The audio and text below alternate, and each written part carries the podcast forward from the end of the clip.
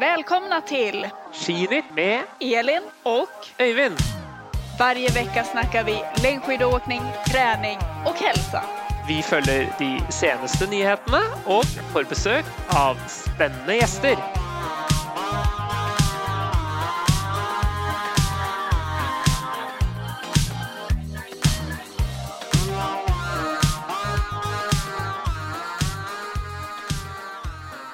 Hej och välkomna till ett nytt avsnitt av Skidnytt.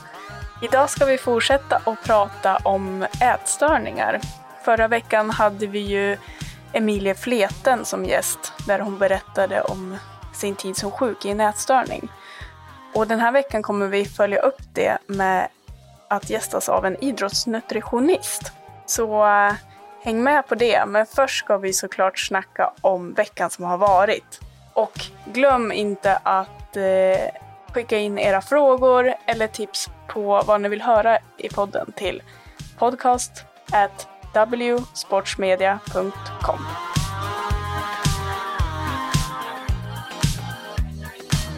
Hej Øyvind!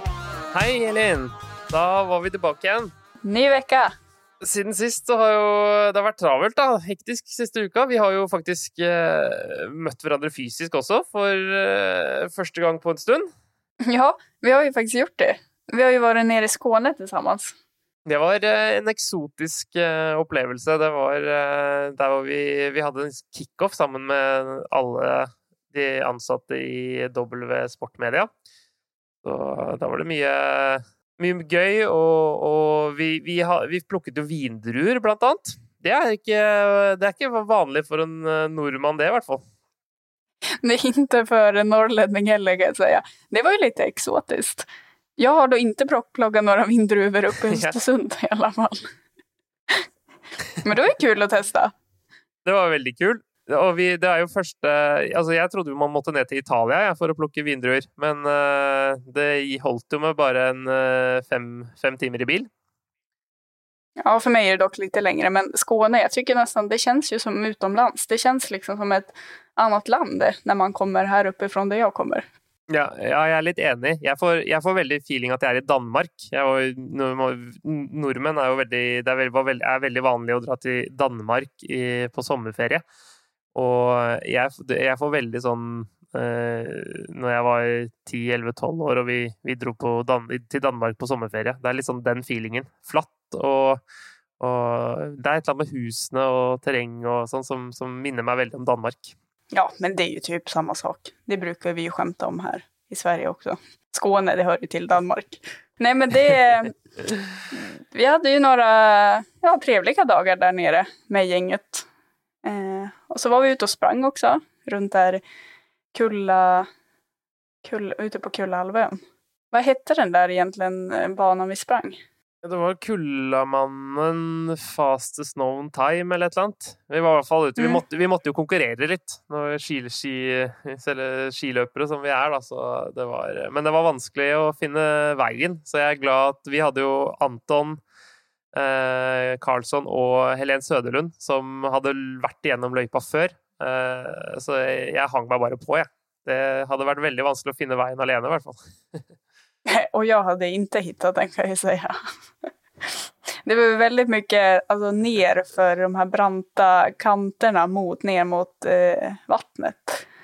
Och sen samma väg, rakt upp igen. Ja, det var Det var inte jättelätt Ja, överallt. altså der bør du Du får sjekke Strava-kontoen eh, min hvis du vil se hvor det var. Men det, det var i hvert fall Jeg tror det var drøyt 10 km og 800, nesten 800 høydemeter eh, stigning. Så det var, eh, det var veldig mye opp og ned, i hvert fall. Men Ja, det var så pass mycket stigning alltså. Kult. Mm. Og Mm. bratt opp, bratt ned. Så det får, dere får prøve å teste det ut hvis dere er, er ute ved Høganes og eh, Hva heter Kullamannen, da? Mölle. Ja, precis. Ute vid Mölle. Nej, men det är ju otroligt fint. Ja.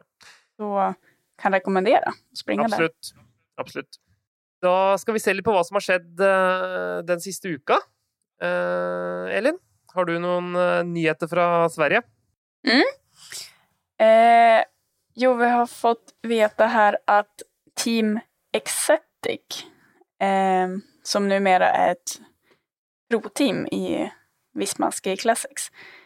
De, har, eh, de ska köra en virtuell skierg-tävling och den här kommer pågå från 1 november och fram till Vasaloppet. Så eh, det kan vara ett tips för många att haka på. De säger så här. Det här är en tävling för elit och i huvudsak motionärer för att förbereda sig inför vintern och för att öka motivationen och för att träna på att bli bra inför den kommande säsongen. Ehm, ja, så tävlingen det kommer alltså vara en eh, skierg-tävling där det är 5000 meter skierg. Eh, och man får poäng och resultat både på watt per kilo och samt utvecklingen i procent från första november fram till Vasaloppet. Och det här kommer vara en bra tävling då, för att mäta sig eh, mot både eliten eller tävla mot kompisarna eller klubben eller företaget. Är, Så är haka på det här. Ja, jag tycker det är Ja. jättebra idé. Jättebra initiativ. Jeg tror det kan Øyvind? kul ja, Det kan være kul for, eh, for mosjonisten å, å prøve seg på, på 5000 meter skierg. Det er en brutal Mm. øvelse. Det, eh, Eh, de, de beste går vel på rundt 16 minutter, og, og så går det jo oppover, så, så Men, eh, men det er eh, Det er 50 Ja, det er altså 20 minutter, da, cirka, med, med, med tempo. Og det, det er ganske brutalt og vondt, så, så Men også veldig gøy, da. Og når man kan få litt ekstra motivasjon ved å, ved å måle seg mot eh, klubbkameraten eller eh, naboen eller noen andre, så, så eh, gå inn og sjekk det, da. eh, på exitec.se. Vi legger link i eh, bioen, gjør vi ikke det, Elin? Ja, vi kommer länka den. Nej, men jag tycker också alltså kul att eh, kunna få en motivator så här som man får in regelbundet. För det, vi sk- skulle det vara varje månad, sa jag det. Ja, Att det pågår då varje månad fram till Vasaloppet. Så att man både kan ja, men jämföra sig mot andra, kanske tävla lite eller motiveras av andra som gör samma sak. Men också då att man kan följa sin egna utveckling när man gör det regelbundet. Jeg er helt enig, Elin. Det er lite som, eh, som motiverer like mye som litt konkurranse. Det, det pleier å fungere godt. Eh, ellers så har det vært en ganske eh, Ja, det er ikke sånn veldig mye som skjer på langrennsfronten. Det er jo lagene og teamene og sånn er jo ute og forbereder, gjør de for, siste forberedelsene eh, til sesongen. Eh, noen er utenlands, noen trener på her hjemme både i Norge og Sverige. Eh, så det er vel ikke så mye sånn sett å rapportere. Eh, det var jo en liten sak som kom her om eh, Andreas Verpalu, sønnen til Andrus Verpalu, som, som nå til slutt fikk en dom på betinget fengsel og en bot for innblandingen han hadde i, i, rundt denne dopingskandalen i VM i Seefeld i 2019. Eh, hvor blant annet den østerrikske Max Hauke ble, ble tatt på fersken med, med en nål i armen, og ja, det så ikke helt bra ut. Så um, nå er vel den saken Det var vel siste løperen, tror jeg, som, som nå har fått uh, en dom. Så um, uh, han Selv om fengselsstraffen var betinget, så har han jo fått fire års utestengelse. Så um, det er vel kanskje det som svir mest. Men uh, And eh, Andreas også er Det er jo veldig synd, hele opplegget. Han har jo vært i Norge og, og trent i Meråker, og eh, Ja, det var jo mange som ble veldig overrasket når han, når han ble tatt. Eh, men eh, ja, nå er i hvert fall den eh, saken avsluttet, da. Mm. Nej, det är tråkigt när sådana där saker händer alltså. Det är... Men det är ju bra att eh, de får ta sitt straff. Det, det er bra Ja. at de blir tatt. Det er jo et tegn på at i hvert fall det, man klarer å huke At det systemet funker på, en- på, på, på en måte, i hvert fall. Så Mm. Det er bra. Eh, skal vi gå over til eh, ukens eh, emne igjen, da, Elin? Vi snakket jo med Emilie forrige uke, eh, som fortalte om sine, sine erfaringer og sin opplevelse med, med det å ha spiseforstyrrelser og i dag så tenkte vi å prøve å høre med de som jobber eh, med de som eh, sliter med mat og, og, og spising og sånn. Eh, hvem er det vi får besøk av? Ja, vi kommer gästas av Emma Lindblom som då arbetar som idrottsnutritionist. Och hon har jobbat väldigt mycket med aktiva som har ett osunt eh, förhållande till mat. Väldigt spännande. Eh, det är väl inte så mycket annat att säga än att vi bara får höra på vad ja. hon har att säga och så eh, god lyssning.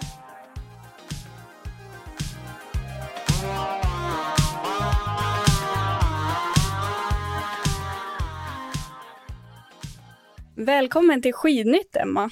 Tack så jättemycket. Vi är glada över att ha dig med här idag och få ta del av din kunskap och dina erfarenheter kring ätstörningar. Ja, jag är jätteglad att ni har mig med. Jag tycker det här är ett jätteviktigt ämne som bör belysas.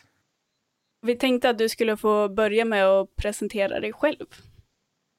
Jag heter Emma Lindblom och jag eh, jobbar en, jag är egenföretagare men en av mina största Eh, uppdrag är mot Riksidrottsförbundet och elitstöd. Eh, där är jag idrottsnutritionist, men jag är legitimerad dietist i Sverige och i USA och eh, också näringsfysiolog och jag har en master i fysiologi. Så min, jag är utbildad i USA, därav att jag har både är dietist och näringsfysiolog. Dietist, för vad, vad, är, vad är det på norsk? Man går ju så här clinical nutrition hos er, tror jag. Nej, jag, jag, kan inte svara på det. Jag är ledsen. Men, men dietist är ju en sån som kan eh, jobba på eh, sjukhus. Medan en näringsfysiolog, nutritionist har mera ja, men, fysiologibiten. Liksom så. Ja, men det förklarar det. Förklarar det. Men vad har du för erfarenheter kring ätstörningar? Är det något som förekommer mycket i ditt eh, vardagliga arbete? Ja, det måste jag eh, säga att det verkligen gör. Jag jobbar mycket med eh, både ätstört beteende, alltså en odiagnoserad ätstörning eller en eh, man kanske inte har diagnosen ätstörning men att man har ett komplicerat förhållande kanske till mat.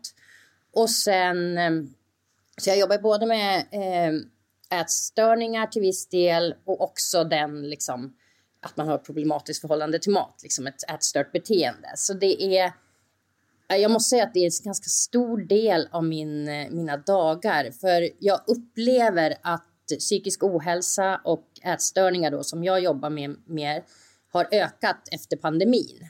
Men skillnaden på ätstörning och usunt förhåll till mat, är det en sån glidande övergång? Om eller? har man en ätstörning, då får man, har man ju fått en diagnos. Eh, men sen finns det ju väldigt många som har ätstörda beteenden men kanske inte har fått en diagnos eller kanske inte eh, antingen inte varit och liksom man har beteenden men inte gått till, in, till och fått en diagnos. Eller så är det så att man kanske är, ja men precis som man inte inom situationstecken säger kvalar in till att få en diagnos. Men nu har, finns det en diagnos som heter UNS utan närmare specifikation. Så även om man inte uppföljer kriterierna för kanske anorexia eller eh, bulimi eller hetsätning eller liknande så kan man få en diagnos och få behandling. För man måste ju ha en diagnos för att få behandling. Det är ju det som blir lite eh, klurigt. Liksom. Eh, men sen är det ju många som har beteenden som inte är sunda eller eh, bra, men det kanske inte är eh, kvalar då för att få en diagnos, eller vad man ska säga så. Skulle du bara kort kunna beskriva skillnaden på anorexia och bulimi? Det finns ju olika kvalkriterier, men om man säger eh, bulimi, det är ju oftast inkluderar ju hetsätning. Att man äter väldigt mycket under eh, en specifik tid och sen kanske kräks. Eh, Medan anorexia är ju att man inte äter.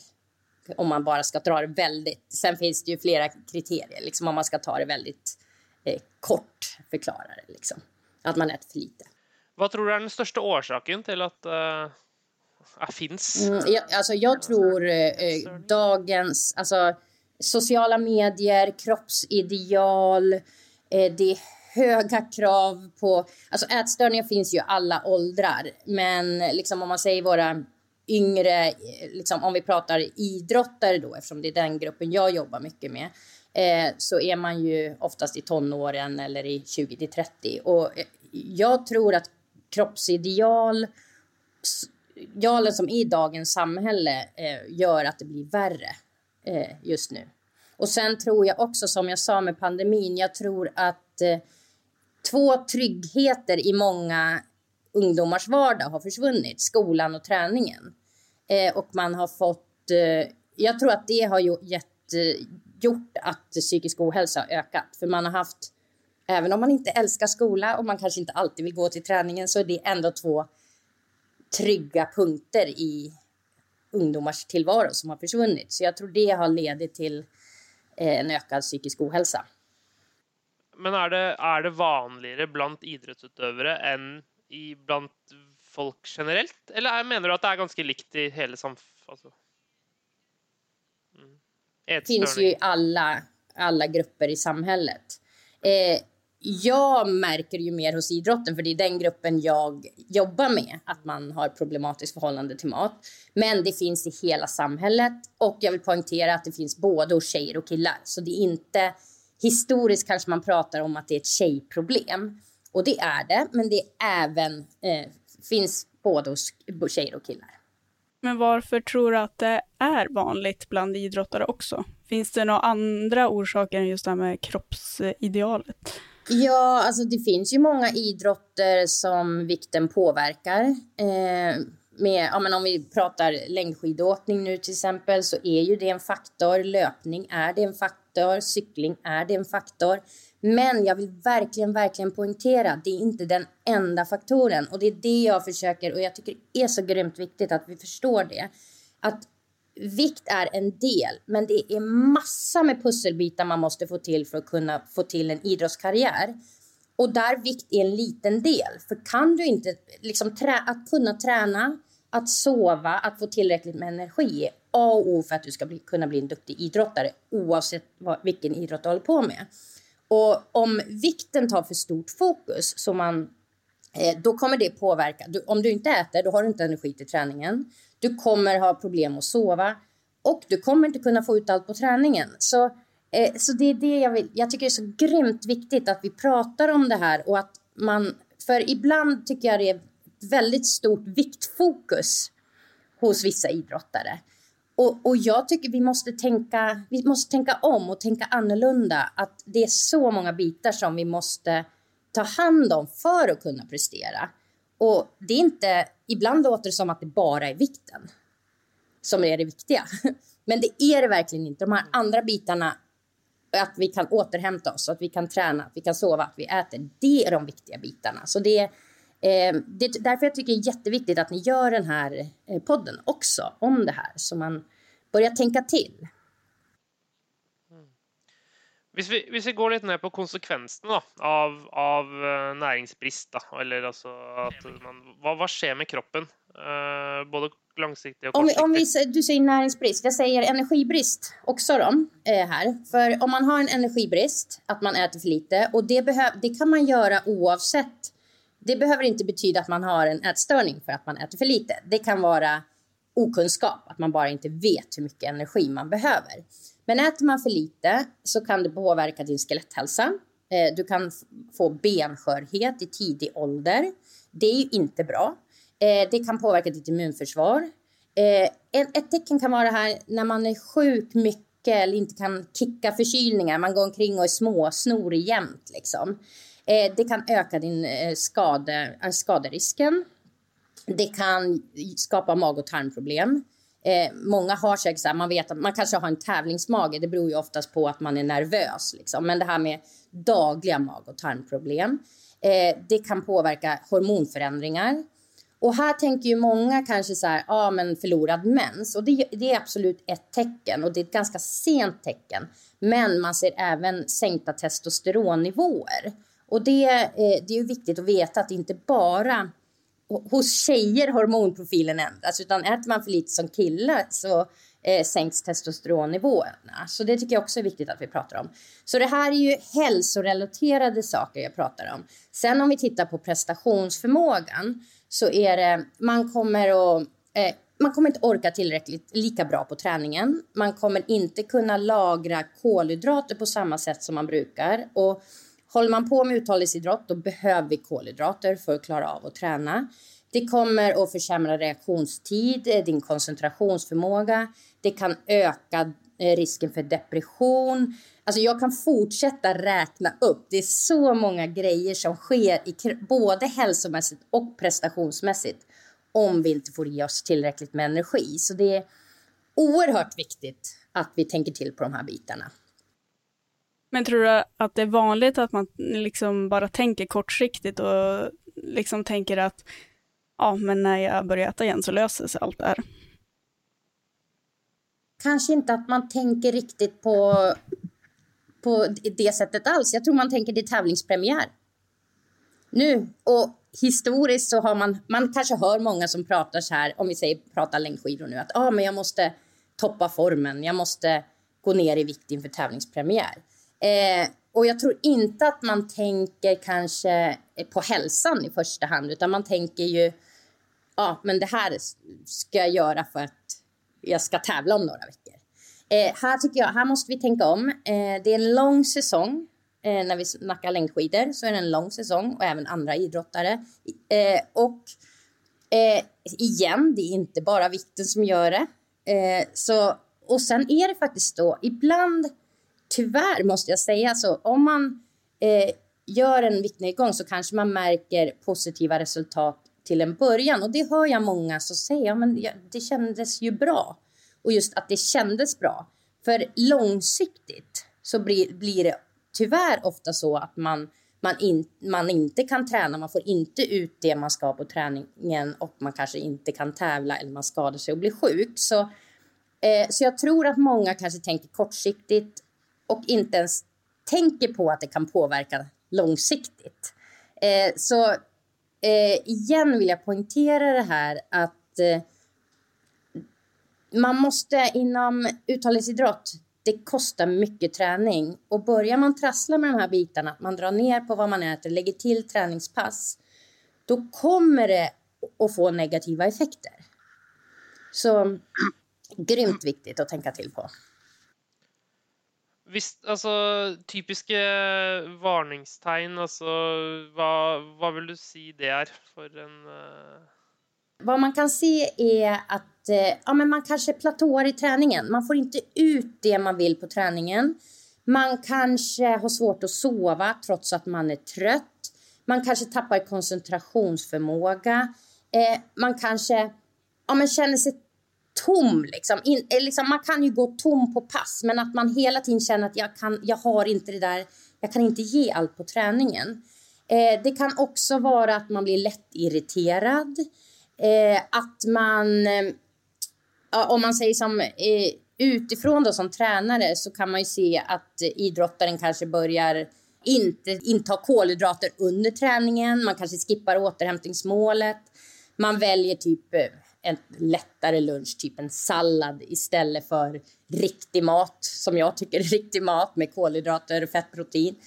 Eh, nej, så, så de här tecknen, och de är ju oftast, det är ju inte det att man eh, man förlorar mensen dag ett liksom, när man äter för lite, utan de tecknen kommer ju längre fram. Så det kan ju vara så små diffusa tecken. Men jag tänker så här, känner man att man inte kan få till det på träningen, man återhämtar sig inte ordentligt och det, det är någonting som inte stämmer, så är ju det ett tecken. Men mycket av det här, många idrottare, de har ju ganska mycket pannben. Eh, att man bara, jag kör på. Det är tungt, men jag kör på. Liksom. Det, det ska vara tungt.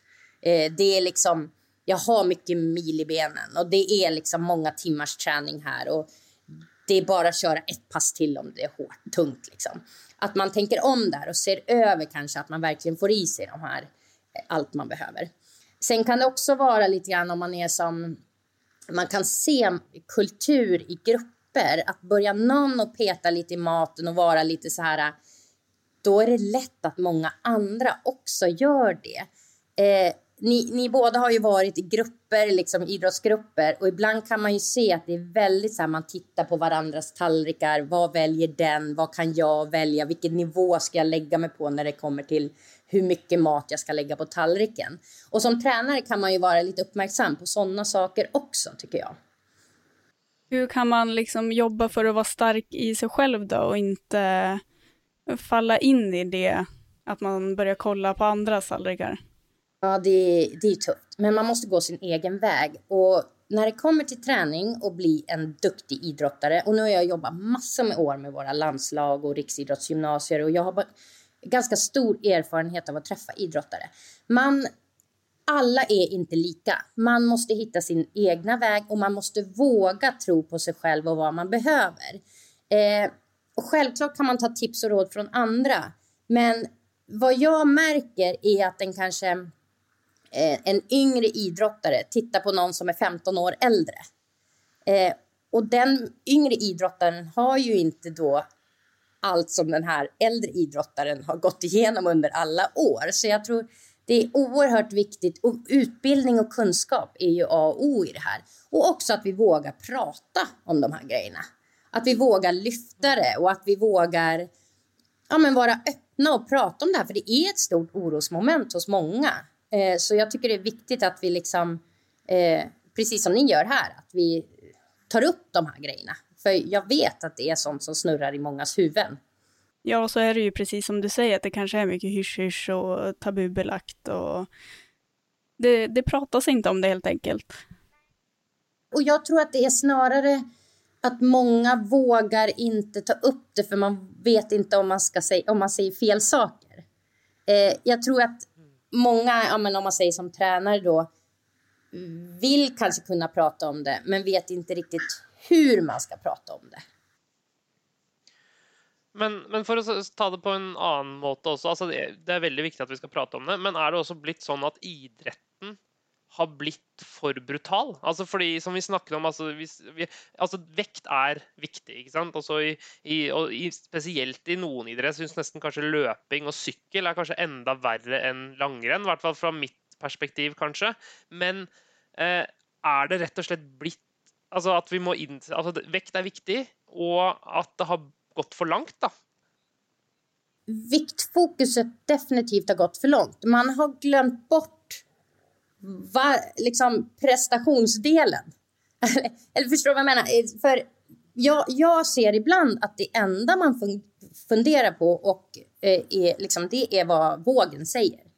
Det är inte att man kan utföra träningen på bästa sätt, att man mår bra, att man har kul. Alltså, om, om, om vi liksom, idrott ska vara kul. Alltså sen är inte alla pass roliga, det är inte alltid roligt. Men idrott, grunden i idrott och träna och hålla på med, det ska ju vara roligt. Så jag tror nästan så här ibland att i vissa grupper så har vikten tagit över eh, att idrott är, ja men det ska vara jättekul och är man, håller man på med tävlingsidrott, ja men självklart så ska man ju prestera bra också.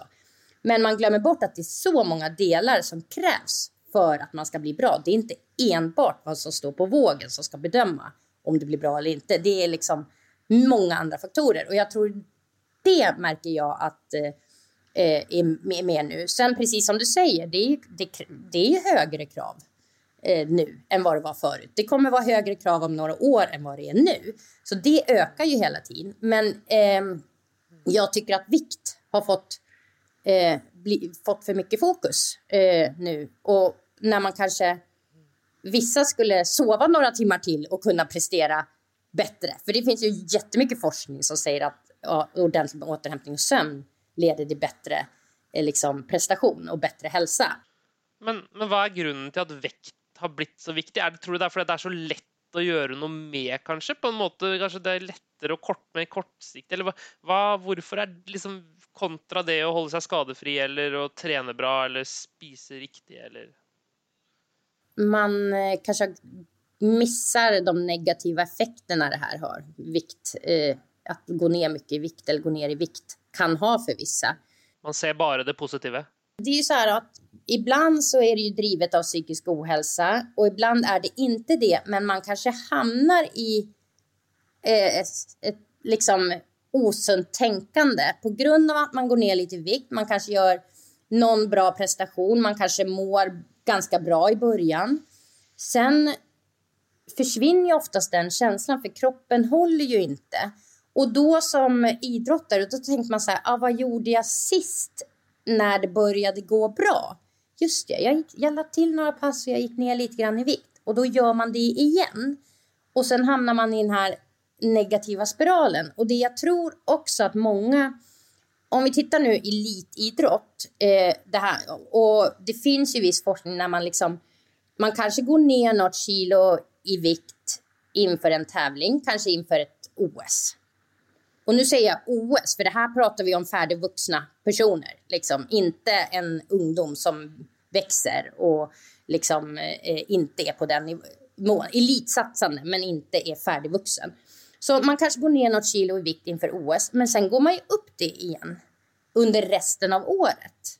Eh, så man kan, och det är ju elitidrott att man kanske gör den justeringen. Men det betyder inte att man går ner 10 kilo i vikt och håller den vikten under hela året, utan det är liksom så här, en sån liten justering skulle man kunna göra på ett hälsosamt sätt. Men problemet är ju att många börjar ju liksom, ja men att det trappas ner och man går ner mer och mer och mer och sen inte går tillbaka upp igen. Och, och som sagt, om man ska göra en sån justering, då är man ju OS-nivå. Och, och man gör det under kontroll, man tar hjälp av någon som mig kanske, eller det finns andra också, liksom, så man inte gör ett eget val och bara tar bort all mat och lägger till massa pass kanske, eller tar bort alla kolhydrater. För kolhydrater är ju A och O för att vi ska kunna eh, träna inom uthållighetsidrott och alla idrotter egentligen. Eh, så jag tror att det, ja, det har blivit så, det skruvas upp, eller vad man ska säga med det här att man bara går ner mer och mer och mer. Mm, det blir som en ond cirkel. Men hur tror du, hur ska vi egentligen göra för att ändra det här fokuset? Alltså, hur ska vi alla agera? vad, vad kan vi alla göra tillsammans? Ja, men jag tror att sådana här grejer är jätteviktigt. Att man pratar om det, att man får utbildning i vad som krävs. För jag har ju många idrotter som bara säger, men jag vet inte hur mycket energi jag behöver. Eh, jag vet bara inte vad jag ska äta, alltså hur mycket jag ska äta. Eh, jag trodde jag åt tillräckligt. Liksom. Så jag tror att eh, det vi kan göra, liksom, det är ju utbildning. Prata om det, utbildning och sen självklart se till att man kan få hjälp om man har problem. Och då vill jag, om man har någon form av ätstörningsproblematik, då behövs ju ett multidisciplinärt team. Men man behöver en psykolog, man behöver kanske en dietist eller någon sån som mig, man behöver läkarvård. Man det är tufft att ta sig ur det själv. Men nå, men, men nu snackar du om de som faktiskt är väldigt sjuka. För det hörs, alltså när, när du, ser, alltså när, hvis, visst det är någon som sitter där och hör på detta här och som kanske tänker att ja, men det här hörs lite ut som mig och så är det som väldigt sånn ja, jag trenger hjelp av psykolog och ernæringsfysiolog och och, och, och dietister och allt för att komma mig ut av detta här. Är det verkligen så vanskelig? Självklart kan man liksom så här, om man är, om man får en diagnos och man är riktigt sjuk, då måste man ha, då, då tycker jag att det är bra. Jag rekommenderar att man har team runt sig och får hjälp. Så. Eh, är man så här så man känner så här, ah, jag mår inte riktigt bra, men jag, är liksom, jag har tokiga tankar, hur ska jag tänka? Eh, man kan ju antingen börja så här, ah, men jag börjar äta mer. Men oftast så är det... Många kanske har lite så att det, det blir tufft att börja äta mer för man, man är ändå lite inne i det här tanket att ja, men tänk om jag går upp i vikt, det kanske blir... Alltså så, här. så någon form av hjälp och att man pratar med någon eh, tror jag är väldigt värdefullt oavsett om man inte är jättesjuk. Eh, och jag, jag vill inte riktigt så här, jag tycker att alla som mår dåligt eh, vill ju jag ska må bra, så man ska ju inte behöva känna att ah, men jag är inte så sjuk så jag inte kan gå upp ur sängen för att söka hjälp.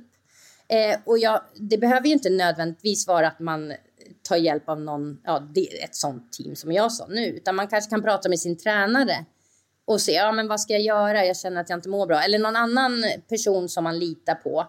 Är man tonåring då kan man ju kanske ta liksom en förälder eller en lärare eller tränare eh, så och få hjälp från.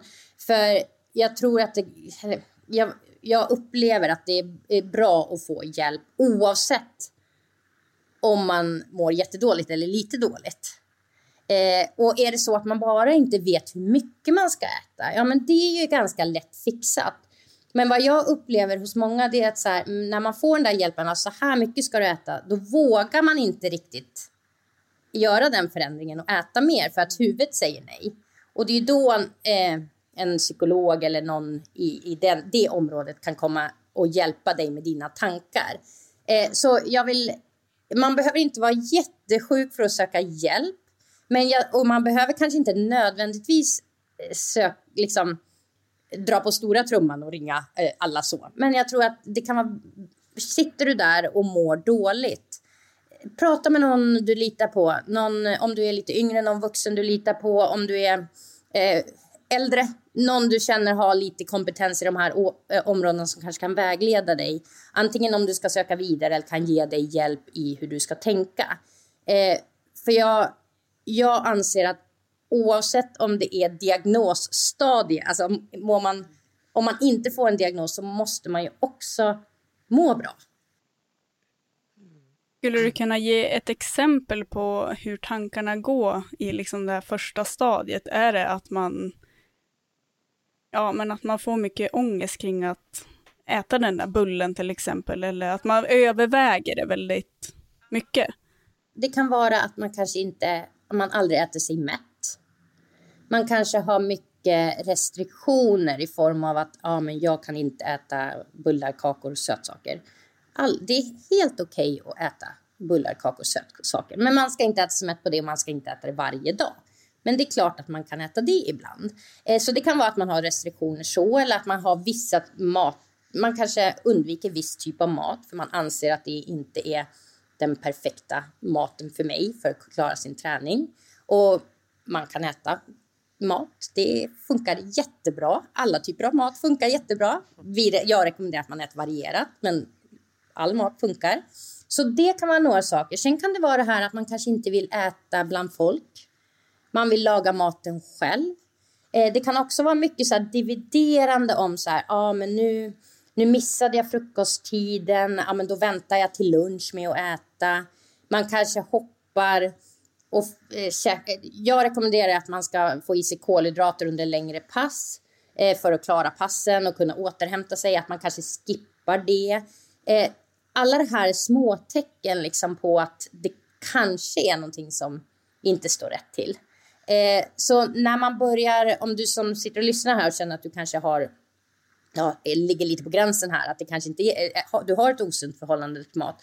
Då är det så här om du, det börjar bli mycket res, restriktioner, också så här, träningen är, om man tränar för att dämpa ångest och för att få äta, eller om man tränar för att bli bättre och må bra. Eh, alla får äta. Det, mm, eh, även om man inte tränar så ska man äta. Så det ska inte vara så att ja, jag tränar, då får jag äta idag.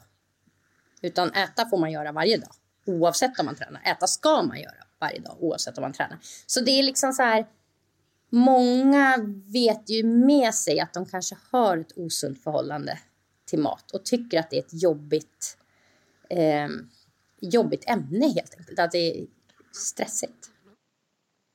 Men om du känner någon då, som, eller du, för det är ju någon som, alltså om du har någon du är bekymrad för, vad tänker du då?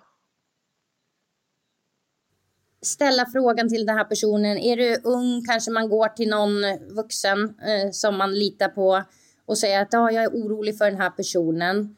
Eh, gå och prata med den personen eh, om man liksom vågar göra det. Eh, men jag tror att det är att man liksom eh, pratar med personen i fråga eller att man pratar med någon som kan prata med personen om man inte eh, vet hur man, vad man ska säga själv. Eh, så det tror jag är en viktig del i, i det här. För, för det jag vill verkligen poängtera, man kan ju absolut bli frisk. Självklart kan man bli frisk. Eh, och också så här, fångar man de här trasseltankarna eh, och beteendena i tidigt stadie så är det ganska, jag ska inte säga lätt, men det går, man kan fixa till det på ganska liksom, smidigt sätt. Eh, har man haft de här tankarna i många, många år och det har blivit liksom Då kanske det tar lite längre tid, men det går självklart att fixa till det och rätta till det så man får ett bra förhållande till mat. Eh, så, så man ska inte känna så här att jag tar det här nästa år. Utan känner man så här, ah, ja, där, hon slog huvudet på spiken. Jag känner mig lite, liksom, det känns inte helt... Ehm, eh, mitt ma mat och träningsförhållande är inte helt okomplicerat. Ja, men då kanske man ska tänka till lite grann och försöka ta tag i det redan nu, även om det är jobbigt. Eh, för ju, går det längre så går det fortfarande att fixa till det, men det kanske tar lite längre tid. Så, eh, så jag tänker liksom, eh, tänk till redan, ja men typ nu. Om det är någonting som inte känns bra så kan man liksom försöka styra upp det på en gång. Men om man har haft en, eller har en ätstörning, när kan man definiera sig som frisk? Ja, eh, det finns inte så här någonting som man säger att ja, nu har det gått den här tiden, nu är du frisk. Eh, och eh, är man på behandlingshem så när man liksom, då brukar de ha så här en, ja men när det har gått upp till den här vikten och så, då är, är man utskriven och man kanske blir friskförklarad. Eh, jag, jag tror så här, eftersom det inte finns någon specifik så här, ja, men om man har brutit benet, då brukar det vara så här, ja men då går de här månaderna och så är det de här behandlingen och så gör du det här och sen är du frisk. Eh, så. Men, eller skadefri. Eh, här är det mer att det, det, det, kan ta, och det tar olika lång tid. Men de flesta som har varit i det här, de, de känner när de är, nu är jag frisk och mår bra. Sen kan det vara lite så här att eh, blir det någonting som är besvärligt i livet, då kan det vara lite lättare kanske att falla tillbaka i de gamla mönstren. Så har man eh, ja, någon, någon problematisk period i sitt liv, då kanske man som om man har haft eh, liksom ätstörningsproblematik tidigare, då kanske man ska vara lite extra uppmärksam så man inte faller tillbaka i de mönstren. Det kan vara bra att tänka till på. Men eh, oftast så liksom jag, det här, jag ger ju inget svar. jag, jag pratar runt det. Men eh, hvis du skal ha noen hvis du liksom, ja Nå har du jo i och för sig sagt, har, gitt no, har hatt noen ord da, til liksom noen som sliter, og liksom, hva er det de skal liksom gjøre? Hva er det de liksom, hva, hva, hva man skal tenke på? Man måste verkligen som id det, det, för att bli en riktigt bra idrottare, för nu tänker jag att det är många idrottare som lyssnar här. Det är tre saker som krävs. Man måste träna, självklart. Man måste äta och anpassa sitt matintag utefter träningen man gör. Tränar man mer måste man äta mera. Och man måste sova och återhämta sig. Det här är de bitarna och hörnstenarna som gör att du blir bra. Faller någon av de här bitarna, då kommer eh, prestationen och hälsan bli lidande. Och det som man kanske glömmer som en hög, högt presterande eh, idrottare, då tänker man inte på hälsan. Men det är så grymt viktigt att kroppen funkar. Och missar man på någon av de här bitarna, det kanske inte märks imorgon. Det kanske inte märks nästa vecka. Men tyvärr så kommer man ju att märka det framöver. Så därför tycker jag det är viktigt att ni tänker till så ni får till allting det här. Jag vet att det är lite så här ähm, svårt att tänka så. Men, men var liksom jättenoga med de här bitarna. Och en sak jag ser hos många, det är att man missar när man ökar träningsmängden. Eh, längdåkare är ju oftast väldigt duktiga på att räkna timmar. Eh, jag vill bara poängtera att styrketräning är också träning. Man kan räkna in det i sin träningstid.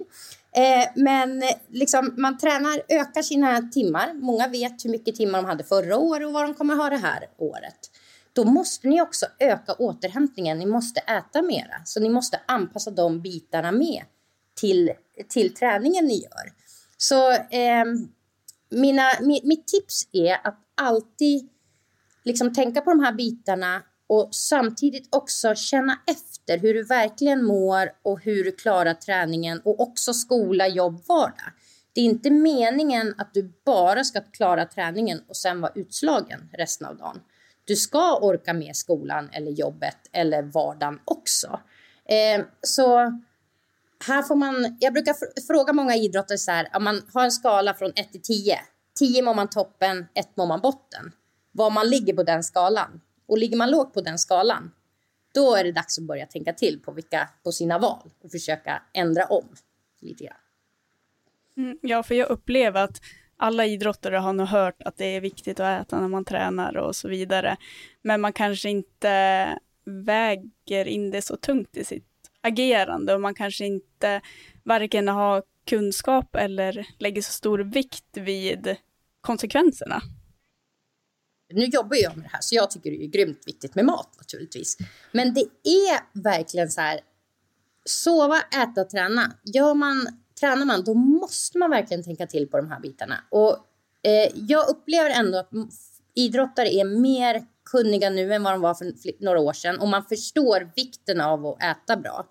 Och längd, eh, längdskidåkning eller uthållighetsidrott är ju kolhydratsidrott. Och det är oftast där jag ser att man får i sig för lite. Så det, det man kan tänka till på eh, är eh, hur mycket kol, eller ät mer kolhydrater då bara. Tänk till, alla måltider ska innehålla kolhydrater. Se till att få, till din, få i dig kolhydrater under passet om du har långa pass. Var noga med att äta direkt efter träningen. Sådana här små tips eh, kan hjälpa lång väg. Eh, och det är oftast inte att man inte äter alls, utan oftast är det ju att varje portion är lite för liten. Så om man ska ta lite extra, då ska man fokusera på kolhydraterna? Japp, så är det. Slutliga ord till alla idrottare där ute, som du skulle vilja förmedla? Alltså, jag, jag brinner verkligen för det här. Jag tycker det här är så här grymt viktigt. Och jag önskar verkligen att alla idrottare kan få ut 100 procent av deras förmåga. Och för att och också må bra och ha kul. Eh, jag, mår, jag mår dåligt liksom när jag har de här idrottarna som kämpar och kämpar och kämpar och inte mår bra. Liksom. Så jag tycker det är så grymt viktigt. Så jag vill nog, liksom, om du känner att du mår dåligt, eh, försök prata med någon. Sök, eh, eh, börja med att prata med någon om det. Eh, du kanske söker professionell hjälp eller kontakta någon som du vet har lite koll i området. Men våga ta hjälp. Eh, det är väl kanske mina slutord när det kommer till ätstörningsproblematik.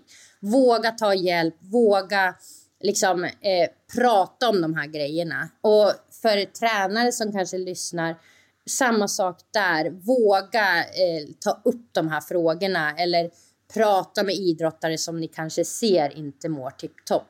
Det är väl där vi måste börja, tänker jag. Ja, precis. Alltså idrott ska ju vara förknippat med glädje och hälsa. Så är det. Tack för att du ja, Tack så upp, jättemycket Emma. Jätteintressant att lyssna på. Så jag hoppas att våra lyssnare har fått med sig mycket av dig. Ja, det hoppas jag med. Mm. Mm. Tack så mycket.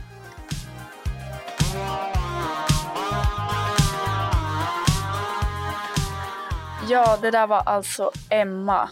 Eh, väldigt intressant att höra vad hon säger och få höra hennes erfarenheter och kunskap kring ämnet.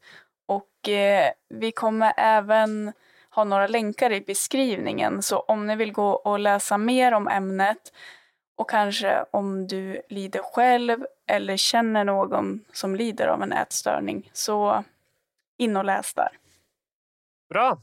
Då ska vi gå vidare och se lite på vad som ska ske nästa vecka. Den, eh, den, eh, neste uka så er det jo som, litt sånn som den forrige uken. Altså er, vi er litt sånn i mellomsesong her, så det er jo ikke flust av konkurranser. Eh, men vi tenkte at vi kan jo se litt fram til de første skirennene på, naturs, på snø. Da.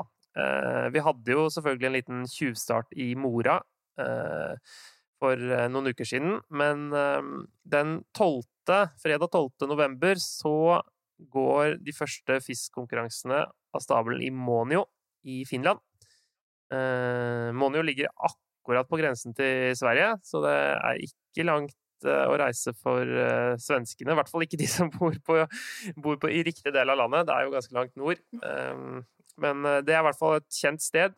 Uh, det er mange russere pleier å komme. Og jeg husker at uh, tilbake i, for noen år siden så, så begynte, pleide jeg å høre at Monio var verdens største FIS-renn. Eh, at det var flest deltakere i seniorklassen pga. Eh, at det kom Det var både finner, svensker, nordmenn, mange, noen nordmenn fra, fra nord i eh, fra Nord-Norge som, som, kjører over dit. Og ja, så et veldig stort, stort renn, da. Jeg har sett på, så på resultatlistene fra de siste årene at det kanskje er noen renn i i Norge som er større, men, eh, men, i hvert fall mange gode deltakere. Veldig god deltakelse. Og russerne, blant annet, er jo Bolsjunov og, og sånn i spissen er, eh, ligger der oppe og trener. Eh, så det blir spennende å se hvordan det går. Mm. Ellers så er det jo også da For det er jo den første helgen hvor det er, hvor det er skirenn. Og så vil jo helgen etter der igjen så vil det være sesongåpningen som vi er vant til Eh, på Beitostølen i Norge, og i år så er det vel Gällivare i Sverige, Elin? Ja, precis, det stämmer. Så det blir ju där 19 eh, till 21 då. Så det blir ju helgen efter Månio då. Så det är bara mm. tre, tre och en halv uke igen då till eh, Ja, det är ju inte länge kvar. Nej. Nej. Jag tycker tid, är det bara jag som tycker att tiden går så fort? Nei, du er sikkert, er sikkert ikke den eneste. I hvert fall når vi har Men kanskje ikke helt fall.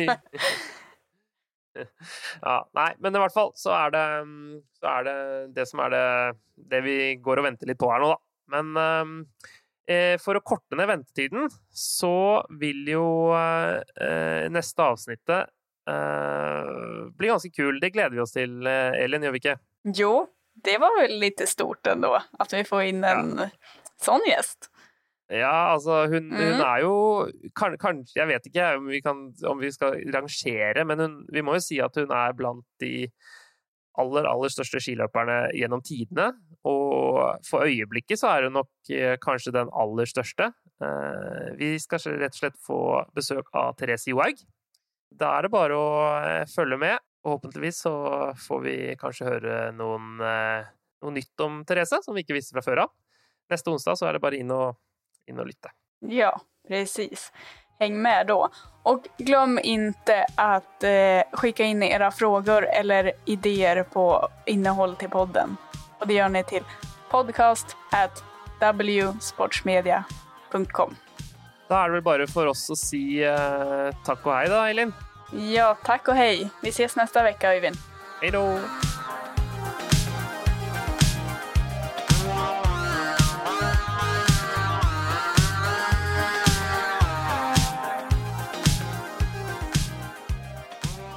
This podcast is a W Sports Media production.